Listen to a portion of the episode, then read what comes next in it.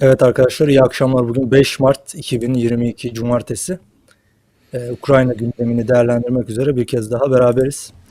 Abi İyi hoş akşamlar geldin. herkese. İyi Hoş akşamlar. bulduk. İyi akşamlar. Ee, bugün uzun bir aradan sonra tekrar sanırım bir hafta oldu son yayın yapalı. Oldu mu Evet, o kadar? tekrar e, olmuş olması lazım. Ee, tekrar Ukrayna gündeminin üzerinden geçeceğiz. Bazı gelişmeler oldu. Ee, sahada e, Rusya'nın bazı ilerlemeleri oldu. Ukrayna'nın e, keza Rusya yönelik ağır şiddetli saldırıları oldu. Karşı saldırıları. Bir direniş Bunların oldu. hepsine e, değineceğiz yayının devamında. Hı hı. Yayına başlarken e, arkadaşlardan da tekrar beğenip paylaşmalarını, kanala abone olmalarını istemeyi unutmayalım diyelim. E, Aynen öyle. Gelişmeleri de, güncel gelişmeleri de Mepanix'in canlı hesabından önemli gelişmeleri paylaşmaya devam ediyoruz. Orayı da gündemi takip etmek isteyen Ee, kaçıncı günde olabilir. şu anda? Kaçıncı güne geldik yani? Bugün 10. günü. E, O- 10. günü devam ediyor. Hmm. Rus işgali 24 Şubat'ta başlamıştı. Ee, Hı hı. 24 Şubat gününün ilk saatlerinde Hı hı hı hı. e, halen devam ediyor Rus saldırıları. Yani Rusya ileride daha e, derinlemesine değerlendiririz. Fakat genel olarak Rusya ağır kayıplara rağmen ilerleyişine devam ediyor gibi bir görüntü var. Tabii bu kayıplar ne derece sürdürülebilir olacak? Rusya e, bu işgaline ne kadar daha devam edecek? Bunlar da ayrı konular. E, diyelim. Aleyküm selam arkadaşlar. Bir sesimi kontrol edeyim de ben de. Evet seste görüntüde problemler olursa yorumdan Tamam. yazabilirsiniz. Şimdi Rusya'nın uzun süre e, Ukrayna'nın doğu sınırlarına bir sevkiyatı vardı. E, ve sevkiyatın ardından hep şeyi söylemiştik o dönem. Bir, bir şey yapması lazım yani artık bir işgal gerçekleştirmesi lazım. Ve işgali e, gerçekleştirdi Putin. E, şu ana kadar tabii gelinen süreçte benim Amerikan kaynaklarından edindiğim bilgiye göre e, Putin o yığdığı sınırlardaki e, askeri askerlerin yani o yığınağın çok büyük bir kısmını kullanmış durumda. Yani bunu ifade ediyorlar. Ben oran aslında vermek vermeyi düşünmüyordum ama e, yüzde 80 yüzde 90'ının e, bu yığınağın Ukrayna'ya girdiği e, ifade ediliyor e, biliyorsun. Ama e, çok e, yani Rusya açısından baktığında Rus ordusu işte dünyanın en büyük ordularından biri. E, buna bak bakıp da yorum yaptığımızda hep şey demiştik işte yani Ukrayna e, kolay lokma olacak e, Rusya için. Ama bu olmadı böyle. Yani şu an işte 10. gününe girdik ve bunun neden e, bu şekilde olduğunu aslında bugün biraz daha üzerinde durmak gerekiyor. O yüzden de hani işte başlığı Rusya Ukrayna'nın Vietnam'ı mı olacak şeklinde attık. Ukrayna Rusya'nın. Pardon, Ukrayna Rusya'nın Vietnam'ı mı olacak şeklinde attık. Düzeltelim. Yani e, bu e, harekat e, Putin'in e, yani Rusya'nın bu harekatı ne oldu da 10. gününde halen mesela Kiev'i alamadılar. Hat bir anda ilerlemişlerdi biliyorsun Kiev'e doğru. Yani ne oldu da e, halen doğuda e, istedikleri gibi bir ilerleyiş kaydedemediler. Bu arada ekrandaki harita e, Evet. bir açıkla istiyorsan. Tabii öncelikle sahibinden bahsedeyim. Burada da yazıyor Nathan Russer. Ee, güzel haritaları var. Ee, bu haritada Rusya'nın genel olarak ilerlediği noktalar ele alınmış. Bu haritayı yapan arkadaş alan hakimiyetinden ziyade Rusya'nın ilerlediği askeri konvoylarına soktuğu bölgeleri böyle e, taramayı tercih etmiş. Bence de aslında güzel bir harita tarzı yani sahayı tasvir etme bakımından. Niye? Çünkü Rusya ilerlediği noktaların gerisini e, tamamen kontrol etmiyor bazı noktalarda. Örneğin işte bu Harkiv ve Sumi bölgesinde. Rusya'nın çok ilerlediğini görüyoruz ama gerisindeki bölgelerin bazılarını kontrol etmiyor. E, burada devam eden ilerleyiş özellikle e, Kırım'ın kuzeyindeki bölgelerde yoğunlaşmış durumda. Burada e, bugün Zaporojye nükleer santralini almışlardı geçen gün. Gerçi bugün e, Rusya sanırım kaybetmiş. Ukrayna geri almış. Ondan sonra Evet. Mariupol'ü kuşattılar. Donbas'taki güçlerle birlikte Zaporojye şehrine doğru ilerlediler. Her sonu aldılar. Burada e, Mykolaiv şehrine ilerlediler ve biraz daha kuzeybatıda Güney e, Ukrayna nükleer santraline doğru ilerleyişleri devam ediyor. Açıkçası Rusya açısından harekatın en başarılı cephesinin e, şu an için Kırım'ın kuzeyindeki e, işte Odessa'dan e, Mariupol'e kadar uzanan bölge olduğunu söylemek mümkün. Bunun yanı sıra işte Kiev'de Rusya askerlerini Belarus sınırından biliyorsun sokmuştu. Ondan sonra Kiev'in hemen batısında hava indirmeleri gerçekleştirmişti. Fakat Kiev'de Rusya biraz daha nasıl diyelim şehir merkezine giremedi. Ağır kayıplar verdi. Onun e, dışında şehri kuşatmaya çalışıyorlar. Özellikle batı ve güneybatı bölgelerinden yine doğudan da Kiev'e doğru ilerleme girişimleri var. E, burada Çernihiv, Çernihiv şehrini keza aynı şekilde kuşattı Rusya. Hı hı. E, buradan da Kiev'e inmeye çalışıyor. Bunun yanı sıra işte buradaki Sumi, e, Konotop, Harkiv gibi şehirlerde de e, bazı ilerleyişleri var. Ama bunun dışında yani şehirlerdeki savaşta Rusya şehirleri yıkmak dışında e, çok da büyük bir ilerleme şehir içlerinde kaydedemedi. Kırsal bölgelerde ve e, kırsal yerleşimlerde, otoyollarda Rusya konvoylarını Ukrayna içine doğru ilerletiyor. Yani burada genel olarak görünüm bu yönde. İstersen bir de bizim e, hazırladığımız haritayı da Şimdi gösterelim. Burada Kiev'e Kiev kısmına ben bir parantez açmak istiyorum. Ee, çünkü ilk başta bildiğin hani e, bizde ilk haritada vermiş ikinci haritada olması lazım. Ee, Kiev'e paraşütçülerin indirme yaptığını. Kiev'in kuzeyine biliyorsun Rusya indirme yaptı e, paraşütçülerle. Burada e, şunu e, ifade etmek lazım. Paraşütçüler bu e, indirme yapanlar Rusya'nın e, işte e, nasıl diyeyim en etkili sayılan özel kuvvetlerinden bir tanesi. Yani Rusya uzun yıllar sonra e, en son 1960'lardaydı galiba e, Çekoslovakya'da mı yapmışlardı yanlış hatırlıyor da olabilirim indirmeyi yerini karıştırıyor da olabilirim ama e, burada da indirmeye hava indirmeye dayalı bir e, askeri harekat yapmak istedi aslına bakarsan Ukrayna'ya. Ben bunu hiç düşünmemiştim böyle bir şey yapacağını. O yüzden ilk başlarda biraz şaşırdım bu askerleri indirmesine. Ama tabii karşı taraf e, baktığın zaman Ukrayna e, Rusya'nın yığınaklarına karşı uzun zamandır hazırlanıyordu e, bu e, işgale ve dolayısıyla indirme yapan askerlerin birçoğu zaten vuruldu, havada vuruldu. Yere inenler de e, neye uğradığını şaşırdılar. İşte Ukrayna'da ka- e, hem ordu şu anda silahlanmış durumda pardon hem ordu silahlanmış durumda ya e, ordu zaten silahlı bir de halk silahlanmış durumda. Yani dolayısıyla bu e, Putin'in askeri planı ilk başta yani bu Kiev'e yönelik yapılan indirme sonrasında bunun başarısız olması e, indirmeden şeyi kastediyorum paraşütlerle asker bıraktılar. Hani helikopter karaya falan inmedi. Havadan paraşütle asker bıraktılar biliyorsun. Yani bu bunun başarısız olması bunlarla güya askeri operasyonu destekleyeceklerdi. Yani ilk başta o paraşütçüler girip Kiev'i e, kuşatmaya e, yardımcı olacaktı. Arkadan gelen lojistik konvoyların önünü açacaklardı bir anlamda. Ama burada çok büyük bir başarısızlık oldu. Yani bu özel kuvvetler hiç e, istenilen şeyi yapamadılar. E, zaten e, Rusya'nın e, hava operasyonlarında gerçekleştirdiği o e, şey de ortaya çıktı. E, beceriksizliği de ortaya çıktı. Hedefleri vuramaması. Özellikle bu Ya de- spesifik hedeflere yönelik saldırı. Radar istasyonları, havaalanları, hükümet binaları vuruyor ama 10 tanesinden bir tanesini anca hedefi Ya tutturabiliyor. sen de bir e, tweet'i retweet ettin ya da favorilere eklemiştin şimdi yanlış hatırlamıyorum. E, askeri araçların e, lastiklerinin, jantlarının, cıvatalarının vesaire dahi bakımları yapılmamış. Ha işte geleceğiz ona. Yani o attığım şu tweetlerin bir tanesinde Yani var o. Ru- Rusya bilemiyorum ordusu bu çok kadar hazırlıksız bakımsız olması bırakılmış ilginç. Bakımsız bırakılmış bir ordu da vardı karşıda. Ya ama Evet. bu paraşütçülerin başarılı olamamasının nedeni e, e, daha da olayın boyutunu değiştirdi. Ve ardından paraşütçülerin başarılı olamamasını bu işte senin de bahsettiğin konvoyların, lojistik konvoyların en önemli şeyi bir savaşın tabii bunlar.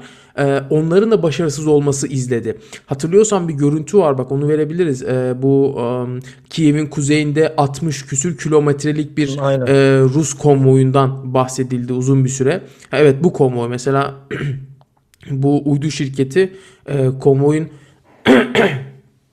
konvoyun 3 boyutlu görüntülerini e, servis etmişti. Yaklaşık 64 kilometre 40 mil uzunluğunda bir konvoy bu. Rus ko- lojistik konvoyu Kiev'e doğru ilerliyordu. Artık ilerleyemiyor.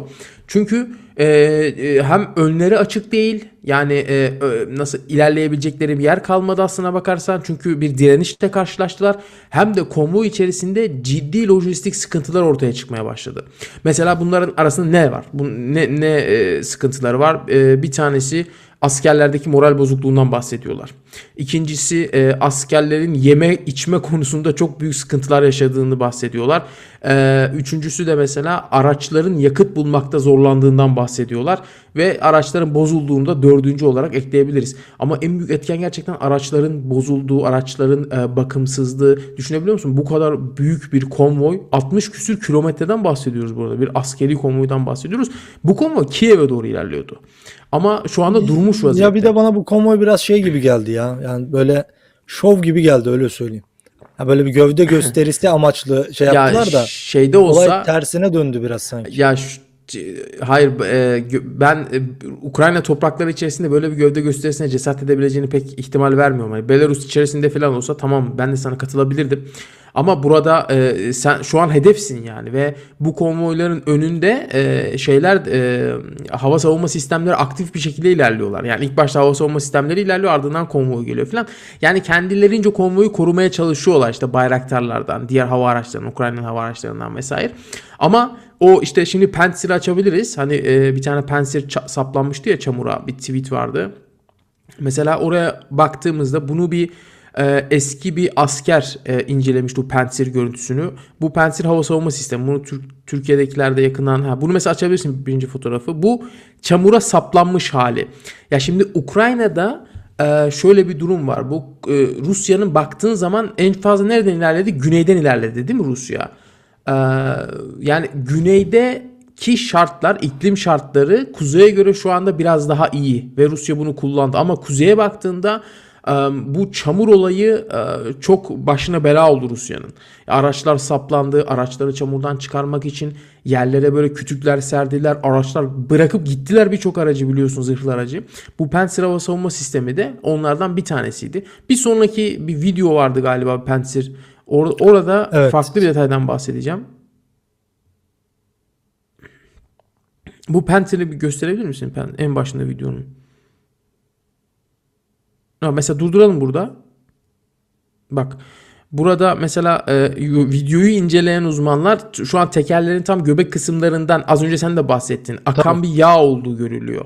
İşte bunların e, mesela bu Pantsir baktığın zaman e, çamura falan saplanmamış ama yolda kalmış. Eğer ki bunun motor bir arızası yoksa, mekanikten kaynaklanan bir arızası yoksa şu şekilde açıklıyor uzmanlar.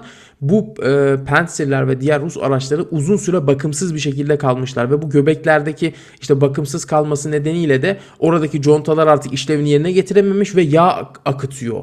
E, aks diyorlar bunlar işte yağ akıtıyor ve e, bu yağ akması nedeniyle de bu araçların yolda kaldığını yani senin de dediğin gibi işte bakımsızlık nedeniyle yollarda kaldığını ifade ediyorlar. Yani bu çok büyük bir e, hezimet oldu şu ana kadar Rusya bakımından açısından. Aynen öyle. Yani Rusya e, özellikle Rus askeriyesinin teknolojik e, imkanları daha böyle sınıfta kalmış gibi gözüküyor şimdilik. Buna rağmen Rusya ilerliyor. Yani bu da işin ayrı bir parantezi. Yani Rusya e, nasıl diyeyim birçok bölgeyi ele geçirebilmiş durumda. Buna rağmen bir de Rusya bence şöyle bir herhalde hesaplama hatası mı diyelim, strateji hatası mı diyelim. e, böyle bir e, şey yaptı. O da şu ki biraz sanki Ukrayna'da direniş e, olmasını beklemediler. Tabii tabii. Evet. Yani halkın onları böyle güllerle, çiçeklerle karşılayacağını zannetti Rusya sanki biraz. Yani böyle bir ön kabulle girdi. E, fakat yani Ukrayna ordusu da Ukrayna halkı da yani bildiğin gerilla savaşı Tabii. veriyorlar şu anda Rusya'ya karşı. Yani bir anda Kiev'e saldırmasının bence nedeni buydu. Yani Kiev'e girip Kiev'i kontrol altına alıp bu paraşütçülerle özellikle. Çünkü paraşütçülerin gerçekten Rus askeriyesine baktığın zaman bugün biraz araştırdım. Çok özel bir yeri var. Bu insan özel seçilmiş adamlar, askerler bunlar. işte uzun boylu, vücutlu, böyle gördükleri zaman karşısında karşısındakini e, korkutabilecek tipte insanlar. Tabii tabii. Mesela e, bunlar özellikle seçilmiş ve bunlar öncü birlikler olarak sahaya bırakılmıştı arkadan gelecek konvoyların önünü açacaklardı filan işte güya. Ama böyle olmadı. Teslim senin de dediğin gibi teslim olması beklenen bir Ukrayna e, tasavvur ederlerken bunu hayal ederlerken karşılarına gayet ciddi direnen bir ordu çıktı. Artı direnen bir de e, siviller, silahlanmış siviller çıktı. Yani bu paraşütçüler yere indiklerinde veya karadan ilerleyen Rus Özel Harekat Kuvvetleri ilerlediğinde bu halkların da ve bunlara pusu kurmuş Ukrayna askerlerinin de e, saldırılarına uğradılar. Hatırlıyorsan bazı görüntüler vardı Kiev'in kuzeyinden. Bu ilerleyen Rus askerlerine pusu atmışlardı. Vuruyorlardı araçlarını aldılar sonra askerlerin hepsini orada öldürdüler vesaire. Yani bunlar e, senin de dediğin gibi diren direnmeyecek bir e, e, ordu bekliyordu. Hatta Putin bile söyledi yani. E, şey e, biz dedi işte Ukrayna ordusunun teslim bu, bu teslim olması yönünde bir açıklamalarda bulunmuştu belli dönemde. Evet darbe yapmalarını filan istemişti. Yani evet, ha, darbe, darbe yapın istemişti. vesaire diye. Ya çok da dediğin gibi işler yani tam olarak Rusya'nın istediği gibi gitmiyor diyelim ama yani haritaya şurada bakıldığında ya tabii ki burada Rusya'nın girdiği noktalar, ilerlediği noktalar gösteriyor. Bunların e, kırmızı olan alanların açık pembe diyelim olan alanların tamamını Rusya kontrol altında tutuyor değil. E, burada mesela her sona girmiş vaziyette. Her sonda hala protestolar sürüyor. İşte Melitopol'e girmiş durumda. Burada protestolar sürüyor. E, Fakat Rusya'nın ilerlediği ve askeri açıdan ya ateş kontrolü ya doğrudan askeri kontrol altında tuttuğu yerler. Ya 10 gün geçen bir süreçten bahsediyoruz. Burada biraz batılı istihbaratların şeyi var.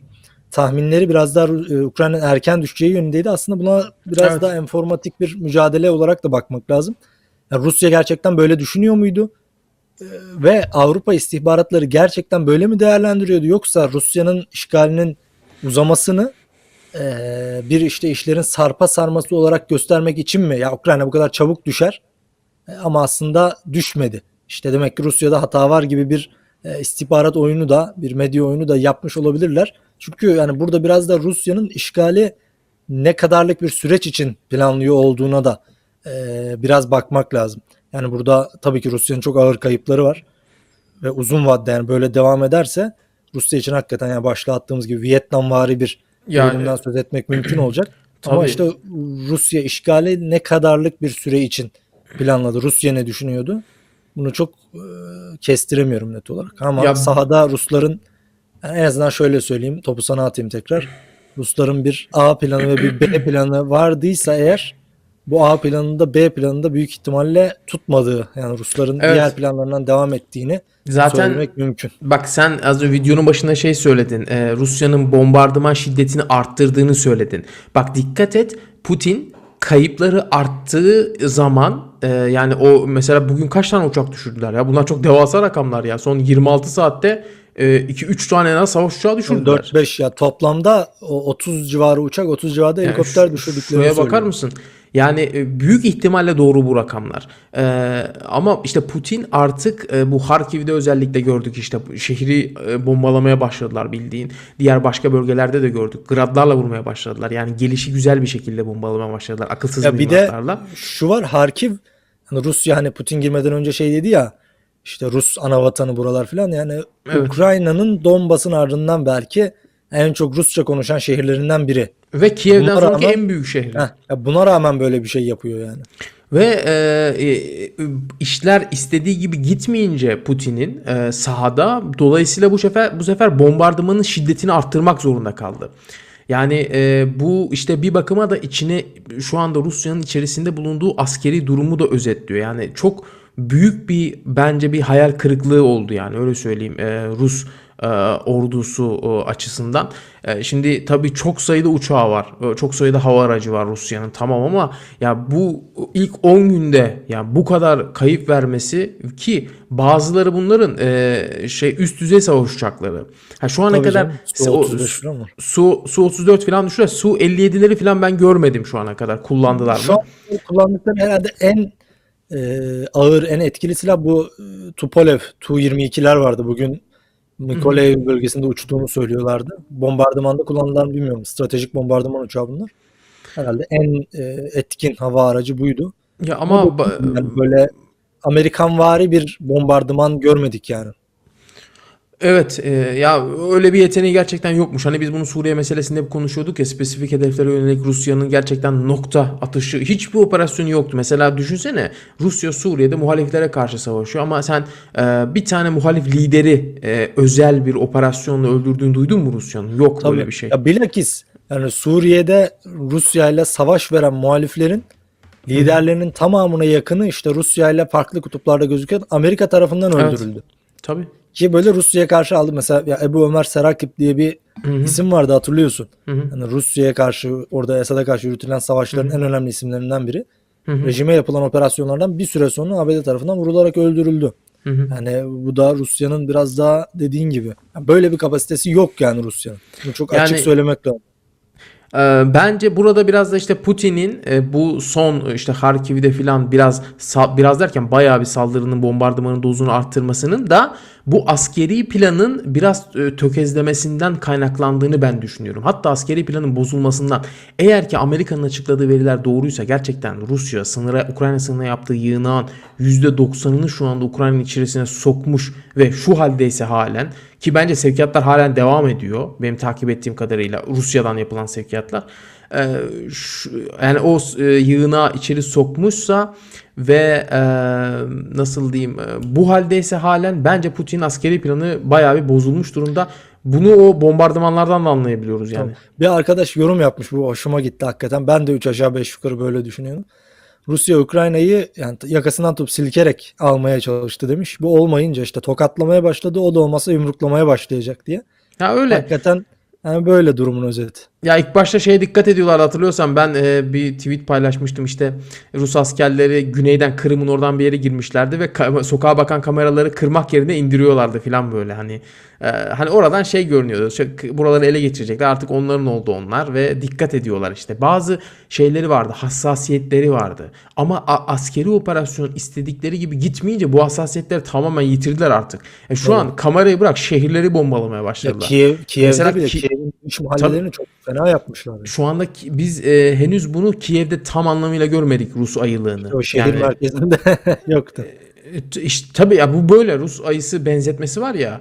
O Doğru. yüzden dedim. Yani çünkü Kiev'de e, bu direniş devam ederse ki Ukrayna gerçekten beklenenin ötesinde bir direniş sergiliyor şu anda. Ya burada ben e, bir e, hani şu an bak, baktığım zaman birçok insanın Zelenskici olduğunu da gördüm ama ben böyle değil biraz daha ayrı duruyorum bu noktada. Ama e, eğer ki Kiev'de de istediği gibi bir ilerleme kaydedemezse büyük ihtimalle oraya da e, gelişi güzel tıpkı doğuda yaptığı gibi bir e, bombardıman gerçekleştirebilir. Çünkü Rusya'nın elindeki tek şey bu. Yani bu gücü bu yani. Yani yoğun hava bombardımanları. Bunu ben, ben- Sovyetler döneminden de biliyorum şeyden. Afganistan işgalinden, Sovyetlerin Afganistan işgalinden. E, köylere bomba oluyordu, dümdüz Tamam. ediyordu. Ardından askerler, piyadeler giriyordu. Ya ben biraz da burada şunu, şunu hep vurgulamak istiyorum. Ha, tabii ki ya bu şundan dolayı değil. Sahada ne olacağını bilmek çok zor. E, şunun da bir manası yok. Yani biri bir şey diyor doğru çıkıyor. Ya ben demiştim. Ya ben demiştim demek için bir sürü şey söyleyip ben demiştim diyen de var da.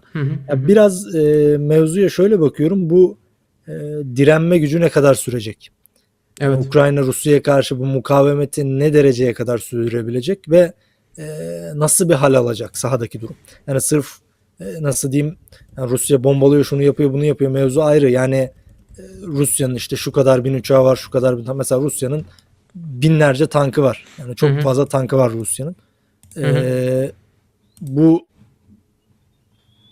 bu şey nasıl diyeyim yani Rusya'nın bu kadar tankı şusu busu tamam önemli ama yani Rusya tanklarının ne kadarını kaybetmeyi göze alacak sırf Ukrayna için. Yani şu var e, Rusya Ukrayna'yı aldığı zaman Hı hı. alsa bile mevzu Ukrayna ile bitmeyecek çünkü şu an Tabii. Rusya yani hiç 90'lardan bu yana Sovyetler Birliği dağıldığından bu yana hatta Hı hı. 90'dan biraz daha geriye götürmek lazım. Sovyetlerin yaptığı bazı reformlardan filan ondan öncesinden bu yana bu kadar fazla izole olmamıştı Batı'dan ve dünyanın geri kalanından. Rusya bu izolasyonu sürdürmek için yani daha yayılmacı bir politika izlemek zorunda kalacak. Çünkü ya burada hiçbir şey e, tabii tabii. Batı ile iletişim kurmak için. Yani şu an bütün olig yani oligark kovalıyorlar Batı'da. İtalya'da, Fransa'da filan yatlarına el koyuyorlar. Hı hı, Yani evet. Cadı hava haline almış durumda. İşte- Rusya bu şekilde farklı bir noktaya bürünmek zorunda. O yüzden çok aşırı kayıp da veremez yani. Şimdi yaptırımlar gerçekten dedikleri gibi oldu. Yani bu işte hiç görmediği yaptırımlar yapacağız. Dünyadan izole edeceğiz falan diyorlardı hatırlıyorsan. Ee, Rusya da bunlara karşılık hep biz e, işte tedbirlerimizi aldık falan diyorlardı ama durum pek öyle görünmüyor şu anda. Şu anda bence e, sorulması gereken sorular arasında şu da var. Rusya e, pardon Ukrayna e, e, Rusya'nın e, bu yaptırımlar şimdi Rusya'yı etkileyecek ya. Yani Rusya bir anlamda bu yaptırımlar devam ederse çökebilir. Yani ve e, Ukrayna Rusya çökene kadar direnebilecek mi? Yani bu anladın mı demek istediğimi? Mevzu mevzu zaten o dediğin gibi. Ya ben burada Varken insanların Batı bir yandan da e, Ukrayna'ya da biliyorsun silah ciddi silah yardımında bulunuyorlar şu anda. tabii tabii. Vu- Vurulan helikopterler, kara kara araçları, zırhlı, kara zırhlıları yani bunların çoğu hep Batı'nın verdiği silahlarla yapıldı. Aynen öyle. Ya bir de ben şuna da şunu da altını çizmek istiyorum. Demin söyleyecektim unuttum. Ee, bu ara bende de çok fazla bir şeyleri unutma şeyi başladı. Gündem yoğunluğundan 24 saat Olabilir, Ukrayna ile ilgileniyoruz. Doğru. Ee, savaş mevzusuna biraz daha Orta Doğu'dan, Asya'dan aşina olduğu için insanlar genel olarak ben kimseyi suçlamak için söylemiyorum. Hı hı. Burada devlet dışı aktörlerle küresel koalisyonlar arasında savaş devam ediyordu. O yüzden bir bölgenin elden ele geçmesi, bazı tarafların ilerlemesi, gerilemesi daha kolaydı. Hı hı. Fakat burada iki devlet arasında savaş var ve burada Yani çok astronomik düzeylerde kayıplar, savaşın uzun sürmesi, 10 gün, 20 gün, 1 ay, 2 ay, 2 yıl, 3 yıl sürmesi. Ya bunlara biraz daha olağan bakması lazım insanların. Ya tamam Rusya çok kayıp veriyor. Ukrayna da çok kayıp veriyor. Ukrayna'da kayıp veriyor tabii. Heh, sahada Rusya ilerliyor, Ukrayna ilerliyor. Yani bu hakikaten bizim iki devlet arasında uzun süredir görmüş olduğumuz ilk savaş. Yani ya mesela ABD Irak'ı işgal etti, Afganistan'ı işgal etti. Burada artık devlet olma vasfı çok fazla kalmamış taraflar vardı. Evet bu konvansiyonel Burada, olarak ha, gördüğümüz ilk yani savaş. Dünyada konvansiyon olarak dış taraflarca desteklenen iki devletin uzun süredir gördüğümüz ilk savaşı. O yüzden yorum yaparken, mevzuları takip ederken biraz daha işi ağırdan almak lazım bence. Evet. O yüzden henüz 10 gün geçti. Ama o yüzden bunu- net bir şey söylemek zor yani. Bunu geçmiş videolarda da söylemiştik. Evet iki konvansiyonel ordudan bahsediyoruz karşılıklı ama Ukrayna biraz daha şeyi benimsemiş. Bak hibrit bir savaş şekli veriyor. Yani bir gerilla savaşı da veriyor aynı zamanda. Biliyorsun e, şeyde e, Kiev taraflarında e, Rus helikopterlerine pusu atmışlardı. E, şeylerle e, Evet, hava evet. işte Mempeslerle hava savunma sistemleriyle pusu atmışlardı. Mesela burada bir soru vardı az önce bak onu işaretledim burada okuyayım diye. Ee, bu savunma stili Ukrayna'nın kendi başarısı mıdır yoksa sizce savaştan önce ABD kurmayları mı yönetmiştir diye. Ben e, bunu zaten biliyorduk daha önceden okumuştum bir yerde de. Sa- e, nasıl diyeyim bu savunma stilini Amerikalı askeri danışmanların e, Ukrayna'ya öğrettiği de ifade ediliyor. Tabii. Ee, yani işte bu e, özellikle lojistiğin ilerlemesini etkileyecek şekilde gerçekleştirebilecek e, pusular. Bunlarla ilgili Amerika'nın e, sahada danışmanlarının oldu. Artık bunlar asker midir? İşte o e, paralı askerlerden Tabii. midir? Orasını tam var bilmiyorum ama biliyorsun, sadece e, Yaba- değil bence. Batı ülkeleri e, ciddi bir danışmanlık vermişlerdir yani. E, yabancı lejyon oluşturacağız dedi ya Zelenski. Hı hı. Ya bu yabancı lejyon mevzusunun altında büyük ihtimalle birçok işte batılı uzman, istihbaratçı, asker vesaire de gitmiştir ki gidiyor yani. Tabii e, mesela bir de şöyle bir şey de var. Az önce sen kayıplardan bahsettin. Hep Rusya'nın kayıpları ön plana çıkartılıyor. Tabii. çünkü batıya baktığın zaman şu anda bütün e, herkes Rusya'nın karşısında pozisyon almış durumda ve Ukrayna'da iyi reklam yapıyor. İşte şu kadar asker vurdum, bu kadar asker vurdum. Hani ben o rakamlara da pek sıcak yaklaşmıyorum ama Ya Ukrayna do- biraz çok abartıyor sanki ya. biraz abartıyor gibi e, hani o işte e, ama Rusya t- bir- tamamen şey yaklaşıyorum ya tamamen mesafeli yaklaşıyorum Rusya'nın açıklamalarına ama Rusya burada gerçekten propaganda savaşını Ukrayna kadar iyi yürütemiyor. Ukrayna'nın arkasında da tabii e, batı olduğu için bu bakımdan e, Şu propaganda meseleye savaşını açıklık getireyim istiyorsan. Moldova tarafına nasıl girdiler diye. Geçen Twitter'da da bir arkadaş Evet. sormuştu. Hı hı. Moldova tarafında burada Transdniester diye bir bölge var arkadaşlar. Burası Sovyetler Birliği Bence ilk başta şunu söyledi. Açıklamaya geçmeden o kırmızı bölge Moldova değil. Yani öyle zannedenler de oldu. Ya Moldova aslında o Moldova yazan yerin üstü. Anladın mı demek istediğimi? Tam anlamadım. Bir kere daha söylersen. Şimdi kırmızı yer var taralı yer. Ne burası? Eh, orayı Moldova zannedebilirler. Ha, yok. Şurası güzelce Moldova. Gri büyük yer Moldova. Hah. Burası da Moldova'ya bağlı olan aslında ama bağımsızlığını de facto olarak ilan etmiş. Hı hı. E, Transdniester Cumhuriyeti. Burası 90'larda Sovyetler Birliği ayrılırken e, Moldova'dan ayrıldı bir savaşla. E, burası nasıl Kırım gibi işte nasıl Donbas gibi Abhazya gibi e, Güney Ossetya gibi bir ül- ülke ülkecik diyelim. E, burada e, nüfusun tamamına yakın askerlerden oluşuyor. E, böyle Dinyester aslında coğrafyası da çok ilginç. Yani batı sınırı Dinyester Nehri, doğu sınırı Ukrayna. Yani e, böyle bir adacık gibi arada kalmış aslında. Yani Rusya'nın da burada e, nasıl diyelim batıya giderek burada Odessa ve Mykolaiv üzerinden burayla bir kara köprüsü kurmak istediği ifade ediliyor ki Lukashenko'nun gösterdiği bir harita vardı hatırlıyorsun. Orada da buraya doğru bir e, askeri harekatın e, olacağına dair bir şey artık bilinçli olarak da bu harita yayılmış olabilir. Hı hı hı hı. E, bilinçsiz olarak da yayılmış olabilir. Bu da e, böyle bir yer. Yani ilginç. Dünya böyle yerlerle dolu aslında. Biraz kurcaladığında çok ilginç yerler çıkıyor. Bir de Yani- bu kara köprüsü demişken Rusya Donbas'la da Kırım arasındaki bu kara bağlantısını kurmuş vaziyette. Yani kendi Evet. topraklarıyla. Bu da ayrı bir nokta. Şimdi e, işte dediğim gibi bu nokta önemli bence. Tekrar etmek istiyorum o yüzden. Yaptırımlar Rusya'yı çökertene kadar Ukrayna dayanabilecek mi? Ki şu anda baktığın zaman dayanabilecek gibi bir izlenim var. Çünkü e, burada hep söylemek lazım bunu da e, Putin'in yani Rusya'nın askeri planı ya gerçekten büyük oranda suya düşmüş vaziyette. Yani çok tamam ilerliyor. Ee, Ama e, baktığın zaman ben bu kayıpların normal olduğunu düşünmüyorum yani. Yani normal olduğunu düşünmüyorum derken fazla kayıplar. Yani bir tolere edilebilecek kayıplar vardır. Hani iler bayağı ilerlemişsindir. Kiev'i almışsındır. İşte güneyden e, bayağı orta kesimlere doğru ilerlemişsindir. Doğudan da keza. Ya sadece Harkiv'i almak için kaç tane uçak düştü? Orada neler oldu yani? Evet. Yani Rusya'nın kayıpları da dedi yani bir savaş için bile Yani beceriksizliğini bu- bugün, bugün mesela direkt yani, 7 bunu söylemek uçaktan lazım. bahsediyor yani 7 tane savaş uçağından bahsediyorlar yani sadece bugün. Ya bir de bu savaş şeklini şu anda biz e, nasıl diyeyim e, yeni yeni de aslına bakarsan şey yapıyoruz tecrübe ediyoruz. Yani biz iki konvansiyonel ordu diyorduk ama diyoruz halen halen öyle ama e, Rusya e, bayağı bir geride kalmış. Yani ikinci sınıf bir ordusu varmış meğer Rusya'nın. Ya halen baktığında paraşütçü şeyleri falan 60'larda 70'lerde kaldı yani. Paraşütçüler tamam karşında ordu olmazsa ordu yoksa karşı oraya indirebilirsin sen şeyi paraşütçülerini. Ama bu adamlar karşıda hazır kıta bekleyen bir ordunun üzerine asker bıraktılar. Ya paraşütçüleri Ya bıraktılar. evet. Bana bu çok ilginç geldi. Çok anlam Evet, veremedim. açıkçası. ben hiç hiç aklıma gelmemişti paraşütçüleri kullanacağı benim.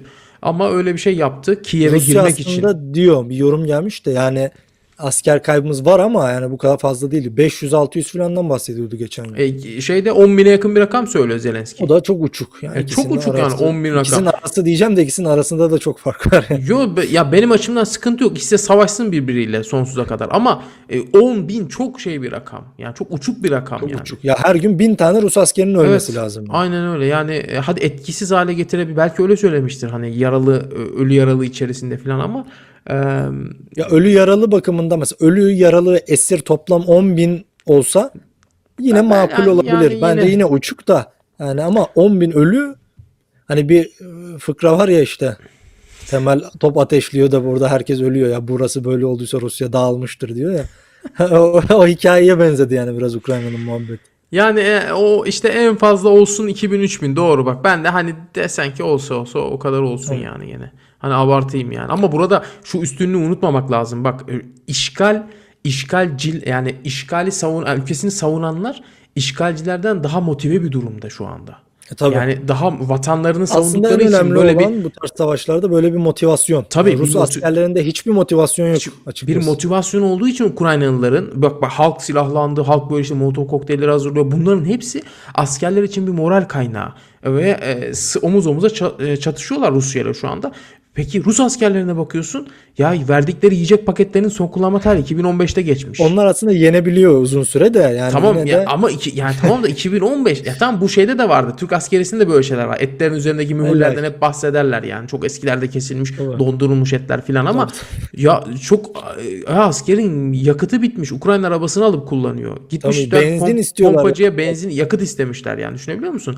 Yani böyle yakalanan askerler olmuş. Ne kadar doğru bilmiyorum bunları Ya- tabii. ya insan aklına lojistik farklı- Hani sana videonun başında şey söyle, e, bu yayınlara başladığımızda şu lojistik çok önemli. İşte lojistiğin nasıl Tamam. yapıldığını çok merak ediyorum, takip ediyorum falan diyordum ya. Gerçekten Rusya eğer ki bu savaşı e, kaybederse bunun en büyük etkeni lojistik olmuş olacak belki de. Yapamıyor şu anda. Yani sevkiyat yapamıyor. Yani Rusya ordusu dediğim gibi bu olaydan böyle çok komplo teorisi de çıkar aslında. Acaba kurmayları Putin'in böyle bir başarısızlığa uğramasını mı? Ya bunu bile düşündüm açıkçası. Çünkü Ben de Putin devirirler mi acaba falan diye. saçma şeyler ki veya Putin tam tersi yani çok kapsamlı reformlar şunlar bunlar yapmak istiyordu orada böyle bir şeyin planı. Çünkü hani şunu görüyoruz. Rusya'nın yani millet olarak, devlet olarak, askeri olarak, sahadakiler olarak hiçbir motivasyonu kalmamış. Ya mesela işte Sovyetler Birliği sağa sola işgal ederken, genişlerken filan Hı hı. e, aynı zamanda çok ciddi bir enformasyon savaşı da veriyordu. E, ciddi bir böyle e, endoktrinasyon da yapıyordu. Hı hı. Ve askerleri motiveydi. Ya kısmen de olsa. Şu an Rus ordusunun askerlerinin yani ideolojik, dini, siyasi hiçbir motivasyonun neredeyse olmadığını görüyoruz. Bu yani işi çok ayrı bir noktaya sürüklüyor. Yani Çok. motivasyonu olmayan bir asker çünkü yani bırak böyle uzun sürecek bir savaşı ki Ukrayna savaşı uzun sürecek gibi duruyor. En azından şimdilik bir uzlaşı olmazsa. Hı hı. Uzun süren bir savaş bir yana yani böyle birkaç haftalık bir savaşı bile düzgün bir şekilde sürdürmesi mümkün değil. En çok ihtiyaç olunan şey bu savaşlarda motivasyon. Şu an Ukrayna tarafı e, haddinden fazla motive. O da beni Tabii. düşündürüyor biraz. Ya yani şimdi haddinden bu- fazla bir motivasyon da aslında tehlikeli. Tabii bir, bir motivasyon var evet haddinden fazla. Şimdi e, ama bu da şu soruyu akla getiriyor bu sefer. E, acaba Putin ne yapacak? Ya Putin geri çekilecek mi? Yani bana kalacak olursa e, net konuşmak istemiyorum ama ben Putin'in geri adım atacağını pek düşünmüyorum bu saatten sonra. Herhalde atamaz gibi geliyor bana. Yani e, ama ne olacağı da tabii ki belli olmaz. E, bir de e, e, nasıl diyeyim?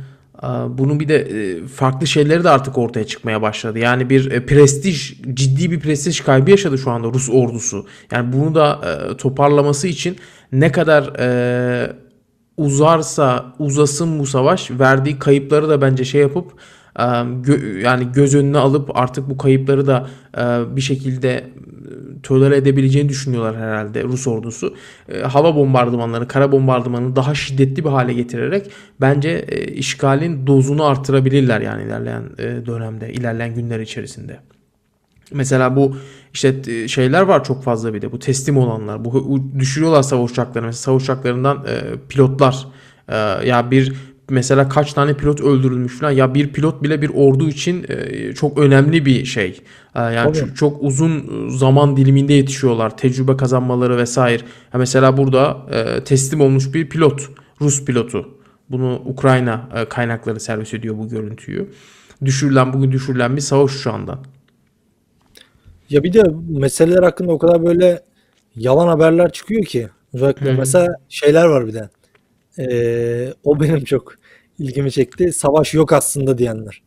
Aa, Ha, savaş yok. İşte sizi kandırıyorlar bu işte bir oyun. Koronavirüsten Doğru. sonra. Her şey oyun ya. Bazen böyle kalkıp insan kendi yokluyor ya. Ben yok muyum acaba diye. doğru bilmiyorum hiç şey yapmadım. İlginç nokta. Bu bu şeyi görünce aklıma geldi. Bu görüntü aslında işte doğru değil. Bu işidin bir videosundan alınma O turuncudan kaynaklanmıştır. Evet. Yani e, ya bu bir de bu e, dikkat edersen e, bu savaş Rusya'nın bu operasyonu bu işgali e, Rus ordusunun kabiliyetinin de ciddi anlamda sorgulanmasına neden oldu. Mesela bugün ben baktığımda düşündü, düşünüyorum gerçekten Türkiye Türk ordusu yani Türk Silahlı Kuvvetleri e, yani çok iddialı konuşmak da istemiyorum ama çok daha şeyli yani çok daha Rusya'ya göre Modern bir ordu yani. modern, çok daha kabiliyetli, belki de Bana bu e, şeyi hatırlatıyor. Ee, nasıl diyeyim? Ee, 19 böyle 60'larda 70'lerde Türk ordusundan işte bahsederken askerliğini o dönemde yapanlar Hı hı. işte yani e, operasyona giderken tatbikata giderken falan hiç şeyimiz olmazdı diyor. İşte çalışmazdı hiçbir ekipmanımız falan diye. Ha. E, bu da bana yani bunları hatırlatıyor açıkçası biraz. Ya tabii şu anda baktığın zaman e, bazıları yerli milli, bazıları da sadece yerli olan. e, bunların arasında farklar var tabii. E, savunma sanayi ürünleri var ciddi anlamda üretilen E, ve e, ve ben mesela şunu düşündüm bugün. Türkiye Türk Silahlı Kuvvetleri istese e, Suriye'deki e, şeyi e, Rus e, askerisini yani Rusya'nın askeri varlığını ciddi söylüyorum çok kısa bir süre içerisinde tamamen yok edebilir. Tabii. Bunu Ya ben her bunu şeyden bağımsız olarak sadece askeri kıyaslama olarak söylüyorum. şey olarak söylediğinde böyle şöyle anlaşılabiliyor. Ee, sanki böyle konvansiyonel olarak işte Türk ordusu Rus ordusunu yenebilir e, gibi anlaşılıyor da bundan ziyade şu var. Yani Suriye'de savaşın dengeleri tamamen Rusya'nın hava üstünlüğüne bağlı durumda. Burada Stinger'ların ne iş yaptığını çok net Ukrayna'da gördük. Tabii tabii. Ee, Yani burada kaç tane Stinger bile çok e, işin gidişatını değiştirdi. ya sen Türkiye'nin mesela geçen sene de konuştuk. Türkiye'nin muhaliflere 50 tane Stinger verdiğini düşünsene. Ya 50 tane hava savunma füzesi verdiğini düşün yani. Rusya bir daha uçak uçuramaz ki orada. Ya biliyorsun işte orada İGLA gibi falan hatta daha da ilkel hava savunma füzeleriyle bile Tabii. Çin yapımı falan şeyler vardı savaşın başında. Hı hı, Çok hı e, ciddi hava üstünlükleri kuruldu. Çünkü şu oluyor genelde. Burada Ukrayna gibi hararetli bir savaş olmadığı için Hı hı. e, en azından şimdilik bir uçak, iki uçak ya da helikopter düşürüldüğünde Hı hı. e, hava sahası böyle birkaç gün kapanıyor. Hatırlıyorsun son e, işte Ya e, rejim helikopteri düşürüldüğünde hiç uçak helikopter uçurulmamıştı sahaya. Evet. Ama şey oluyor bir de yani bunları birkaç kere kullandılar. Ondan sonra e, çok e, nasıl diyeyim yüksek irtifadan bombardıman yapmaya başladı. Rusya ve rejim uçakları hatırlarsan. E, bunlara da çok e, yüksek kapasiteli hava savunma sistemleri gerekiyor. O da zaten muhaliflerin elinde yok ki Rusya'nın zaten birkaç uçağını düşürsen tamam çok yüksek irtifada bombardıman yapar. Çünkü e, bir şey kaygısı yok. Özel bir hedef vurayım, nokta hedefi vurayım Yok. yok. rastgele vuruyor. Rusya'nın hava e, hava araçlarının kapasitesine, hedef vurma kapasitesine baktığımız zaman hep dikkat edersen sadece temas hatlarını, temas hat geniş temas hatlarından bahsediyorum. Çatışmanın oraları vuruyor sadece. Yani e, ev, hastane falan böyle büyük binaları da tabii iyi vuruyor. Aa, Ondan sonra mesela bu şeye ben çok şaşırmıştım yani. Ee, bu Türk askerlerinin e, 30 küsür Türk askerinin olduğu yapıyı hani bir vurdu. Ardından ambulanslar gelirken bir daha vurdu falan. Kaçıncı da belki denk getirdi onu bilmiyorum ama şaşırtmıştı beni yani. Evet. Yani bu durum e, günün sonunda şunu şuna getirecektim ben mevzuyu. Rusya'nın askeri kapasitesinin e, ciddi anlamda diğer ülkelerle karşılaştırılmasına e, neden oldu. Yani e, bu, bu çok açık yani. Bu Ve savaştan önce de biliyorsun Rusya çok ciddi bir söylemsel üstünlük elde etmişti ki bizim videolarda da var. Tabii, tabii. falan kıyaslamıştık Tabii. demiştik ki ya bu teknoloji açısından Batı'yı geçti Rusya. Yani kullanmadan ben bilmiyorum belki Rusya'da öyle bir şey de yoktur ama işte kara ordusunun, hava ordusunun, donanma kuvvetlerinin işleyişi bakımından bile yani Rus ordusu böyle 1960'larda falan kalmış yani. acaba ya hiç S400 göremedik. Yani acaba bu S400'ler gerçekten çalışıyor mu? Yani e, çalışıyor mu derken e, bahsedildiği kadar etkili mi acaba filan. Hani e, Rus ordusunun içeride içeriye konuşlandırdığı hiçbir S400 ben bir Belarus'ta gördüm. Belarus'a tatbikat e, tırnak içerisinde onun için konuşlandırmışlardı. Bir tane de elektronik harp sistemi de Belarus'taydı bildiğim kadarıyla. E, onun dışında ben S400'leri de şey sahasında hiç görmedim yani sokmadılar herhalde şu ana kadar. E, Ve sokması Ukrayna'ya. kullandığını da şey yapmak ki Rusya zaten çok fazla şey yayınlamadı. Ee, nasıl diyeyim e, savaş görüntüsü falan da yayınlamadı Rusya çok fazla. Ya işte sonuç olarak askeri kapasitesi ciddi anlamda sorgulanıyor ve e, ekonomisi ciddi darbeler alacak özellikle yaptırımlardan. Burada Ukrayna'nın işte ne kadar dayanabileceği önemli. Uzun süre dayanabilirse Ukrayna Rusya bu Batı'nın yaptırımlarıyla birlikte Rusya'nın çökme ihtimali dahi var. Böyle söyleyeyim Burada burada bir de şu var ama Rusya da şuna odaklanıyor. Ee, nasıl diyeyim bir gerilla savaşı kendisine karşı olmasın diye bunu organize edecek e, bir e, nasıl diyelim Ukrayna ordusunun ve sivil savunmasının omurgasını hedef alıyor. Özellikle mesela Zelenski'nin öldürülmesi, hükümet üyelerinin öldürülmesi gibi şeylere odaklanıyor. Yani mesela şu an Rusya böyle bir şeyi yapabilse yani bütün verdiği kayıpları telafi edecek bir şey olur. Bu da ayrı bir noktası işin. Bu da ayrı bir noktası dediğin gibi. Mülteciler meselesi var. Bunu notlarını almış mıydın? Hangi mülteciler? Ha şu Ukrayna'dan 1 milyonu aşan sığınmacı diyelim ya. Mülteci farklı bir şey. yani mülteci statüsünde sayılıyor Avrupa'da herhalde. Ciddi misin? Ukraynalılar. E, Avrupa şeyi ya. Ha doğrudur. O bilmiyorum ben Belki Avrupa statülerini. Birliği üyesi değil ama ya çok zor bir şey değil şeyler için. Ha, Verirler tabii o- yani. Verirler Bir- doğru söylüyorsun. Bir tane video izledim. Kongolu bir öğrenci Ukrayna'dan kaçmaya çalışıyor. Biliyorsun orada ırkçılık e, meseleleriyle gündeme gelmişti. Tabii tabii. e, işte almamışlar, indirmişler falan. Buna şöyle söylemişler. Sen gitmeyeceksin, kaçmayacaksın ülkeden. Biz sana silah vereceğiz. Sen Ukrayna için savaşacaksın. Bu adam da diyor ki böyle bir de komik bir İngilizcesi var ya diyor ben Kongoluyum diyor. Ben niye Ukrayna için savaşayım diyor. Yani Gider Kongo için bir- savaşır. Ha, ilginç bir boyut almış yani. Ya Kongo için savaşacak olsa Kongo'da kalır. Adam kaçmış gitmiş zaten. Yani adamı şey yapıyorlar. Bir de Suriye ile kıyaslıyorlardı mevzuyu Suriyeli mülteciler falan. Herhalde Ya Suriye'de yok savaşın Suriye'de. Ya 3. yılında, 4. yılında kadar mülteci vardı. Yani bu onlar tabii mülteci statüsü de alamıyordu. Öyle bir şey yok. Yani Tabii e, bu, ya burada Batı'nın yani şeyle birlikte bu Ukrayna işgalle birlikte evet Rusya'nın askeri kapasitesini ortaya çıkardı. Ukrayna'yı daha halkla hükümeti, orduyu daha konsolide bir güç oldu. Vatanlarını savunuyorlar bu dinamikler altında filan. Ama e, bir yandan baktığında da ciddi bir e, ayrımcılık, ciddi bir batının iki yüzünü de ortaya çıkardı. Yani çok da uzak olmayan bir geçmişte e, Bosna'da neler yaşandığını herkes Ama- biliyor yani. Yani Bosna'da Ya- ölenler, e, Bosna'da o kadar müst- insan sırf Müslüman olduğu için ölüme terk edildi yani. O mesela hala e, o an, Dayton anlaşması mesela mevzusu. Tabii. Hala konuşulur. Burada bir de şöyle bir nokta var. Geçen Twitter'da da e, ufaktan bir şeyler yazmıştım. Hı hı. E, Batı'nın inşa ettiği bir felsefe var. Bazı e, mefhumlar, bazı kavramlar var. ve bu kavramlar üzerinden kendisine bir medeniyet inşa etti. İşte Hı 18. hı. 19. yüzyılın ardından.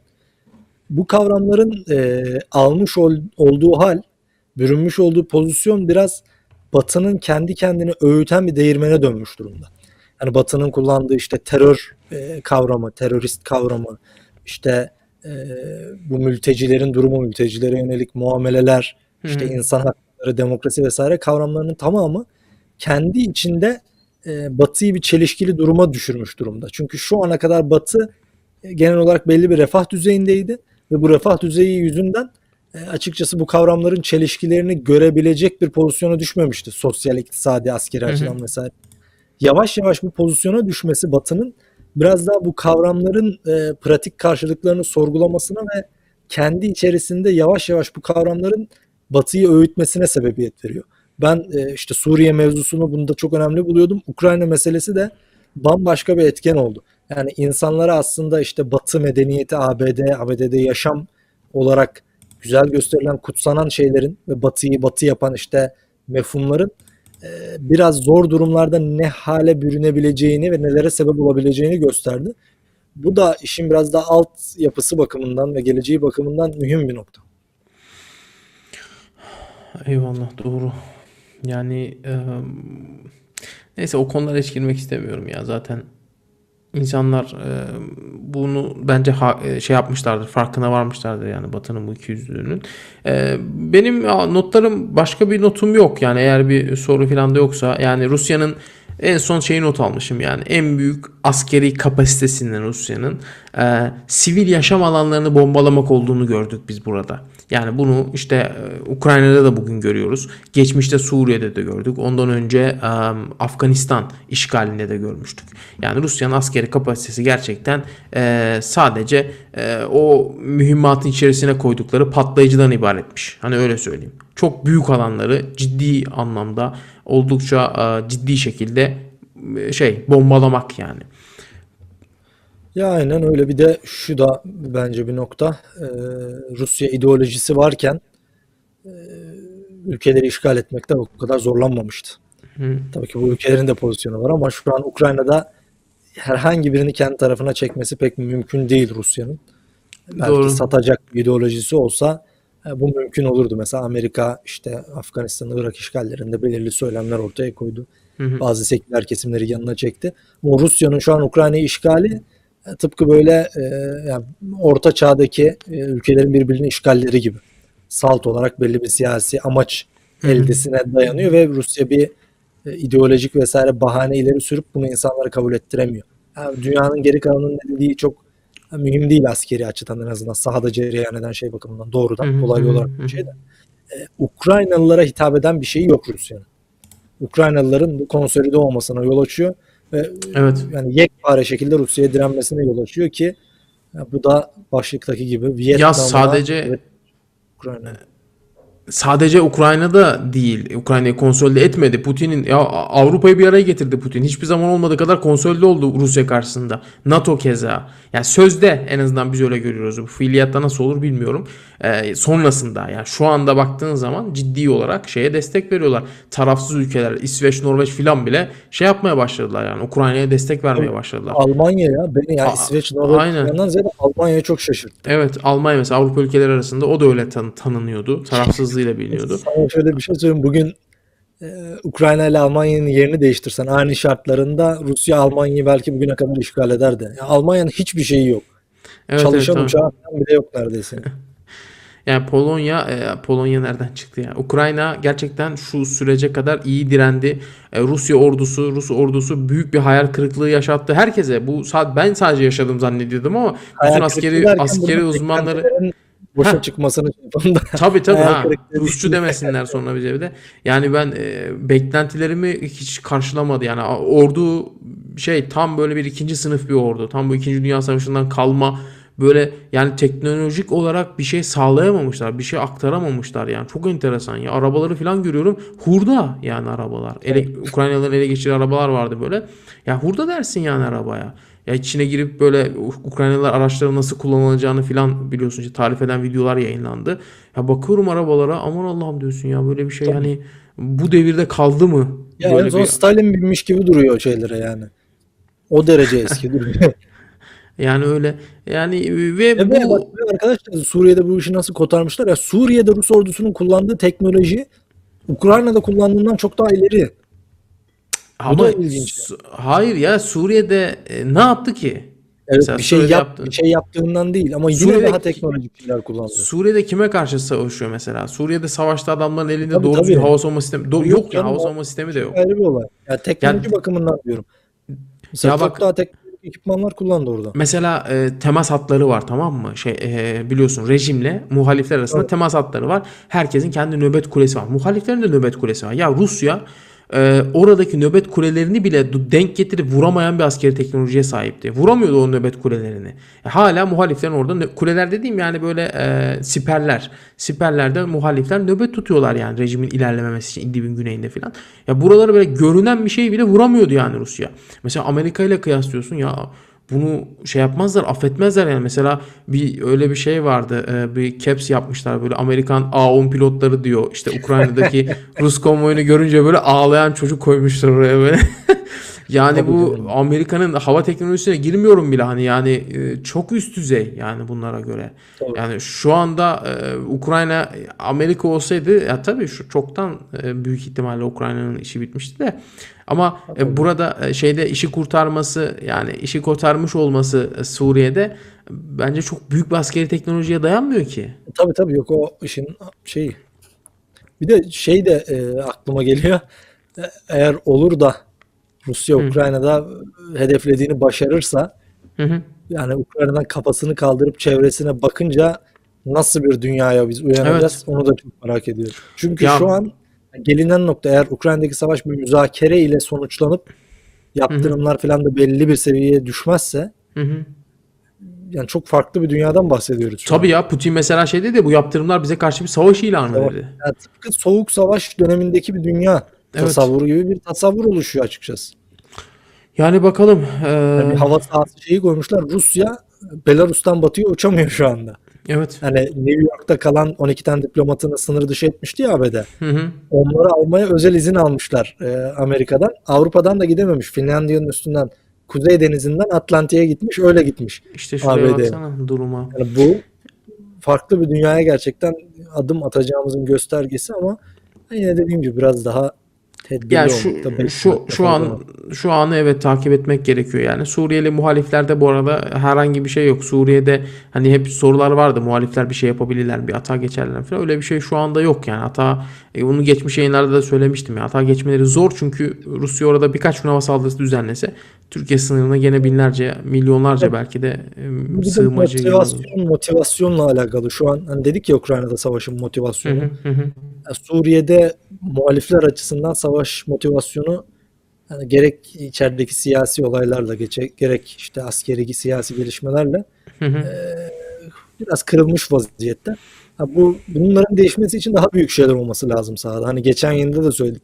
Sahaya Stinger'lar olmaz ya girer. İşte 3-5 uçak düşer. Yani rejimin ve Rusya'nın yenilebileceğine dair bir kanaat oluşur da Hı hı, hı hı. halk da bu açıdan yeniden işte Suriye devrimine teveccüh gösterirse ciddi olarak bu zaman ancak işlerin değiştiğinden söz edilebilir. Yoksa e, yani muhaliflerin şu anki durumuyla Tabii. bilmiyorum ben zannetmiyorum bir şey. Yo ben de ben de şu anda pek zannetmiyorum. Yani bugün e, ama çok ilginç bazı görüntüler de görüyorum. mesela bak. Libya geliyor aklıma. Çünkü Libya da karışıyor biliyorsun. Hı hı, evet. Libya'da e, olabilir diye düşünüyorum. Bir de ben bir gündem dışı bir gelişmeden bahsetmek istiyorum. Bunu önemli buluyorum. Çok gündem Hı hı. olmadı. Mali'de bir katliam oldu geçen. Mali'nin e, orta batı kesiminde Wagner güçleriyle birlikte Hı. Mali askerlerinin bölgedeki 40 tane işte Müslüman köylüyü alıkoyduğu, Hı hı. işte ellerini gözlerini bağlayıp yakarak e, infaz ettiği Evet. ifade edildi 40 kişiyi. E, Bu da ayrı bir şey. Mesela hiç gündem olmadı. Ukrayna'da herhalde böyle bir şey olsaydı e, Putin'e Amerika drone saldırısı yapardı herhalde. E, Mali'de yapınca herhalde zenci yani siyahi ya da öyle demek daha uygun oldukları için yani Rusya öldürüyor yine ama çok da herhalde bir kıymeti yok. Yani e, sonuç olarak e, bugün son cümlemi edeceğim yani bu şeyle ilgili. Ukrayna, Rusya'nın Ukrayna işgaliyle ilgili. E, Rusya'nın loji hava hava araçlarının kabiliyetsizliği diyeyim ve iklim şartları, iklim şartlarının etkilediği lojistik. Burada da tabii ki Rus ordusunun ikinci sınıf bir ordu olduğunu ortaya çıkmasının etkisi var. Bu gibi nedenlerden dolayı Rusya'nın operasyonu şu anda ilk başta planlanan askeri plan bence suya düşmüş durumda. Bunun için bir çözüm arıyorlar. Bu konvoyları ilerletemiyorlar. Konvoyları ilerletmek için e, bence bir çözüm arıyorlar. E, artık bundan sonra ne olur biraz daha izlemek gerekiyor. Dünden bugüne mesela çok büyük bir değil, çok büyük bir ilerleme yok. Mesela Kiev'de günlerdir, ilk günden beri Kiev'in kapılarındalar neredeyse. Hiçbir şey yok, hiçbir ilerleme yok yani. İlerleme Kiev'in kuzeybatısındaki mahalleleri yıkıyorlar tamamen bombardımanı tutup. Yani e, daha da bombardımanın şiddeti artabilir. Yani Putin e, bu ordunun sahadaki bu askeri planın başarısızlığını bombardımanı yoğunlaştırarak da e, bir başarıya çevirme e, şeyinde bulunabilir, hamlesinde bulunabilir. Yani bunun dışında şu anda e, başka bir gelişme yok sahada teknik olarak bahsedebileceğimiz. Bir de bu yıkma olayına da şöyle değinmek lazım. Rusya e, Ukrayna'yı işgal edip ele geçirmek istiyor. Hı hı. Yıkılmış bir ülkeyi de sosyal açıdan elde tutmak çok zor. Çünkü insanların kaybedeceği hiçbir şey kalmaz. E, ayakta kalan şehirler, hayatlarına devam etme potansiyeli olan insanlar olursa insanlar birazdan neme lazım deyip e, Rusya'ya çok fazla isyan etmeyebilir. E, burada ben Rusya'nın açıkçası yeniden e, masaya oturup sıfırdan e, bir askeri işgali tekrar planlamadığı müddetçe işlerin sarpa sarmaya devam edeceğini düşünüyorum. Ama Hı hı. şu notu da ekleyeyim son olarak. Rusya sahada da ilerliyor. Bu da ayrı bir nokta. E, tabii yavaş da olsa ilerliyor diyelim ve bence burada noktalayalım. Evet. İyi akşamlar arkadaşlar. Benim ekleyeceğim başka bir şey yok. Benim de yok başka Haftaya bir şey. İnşallah görüşmek üzere. İyi akşamlar herkese.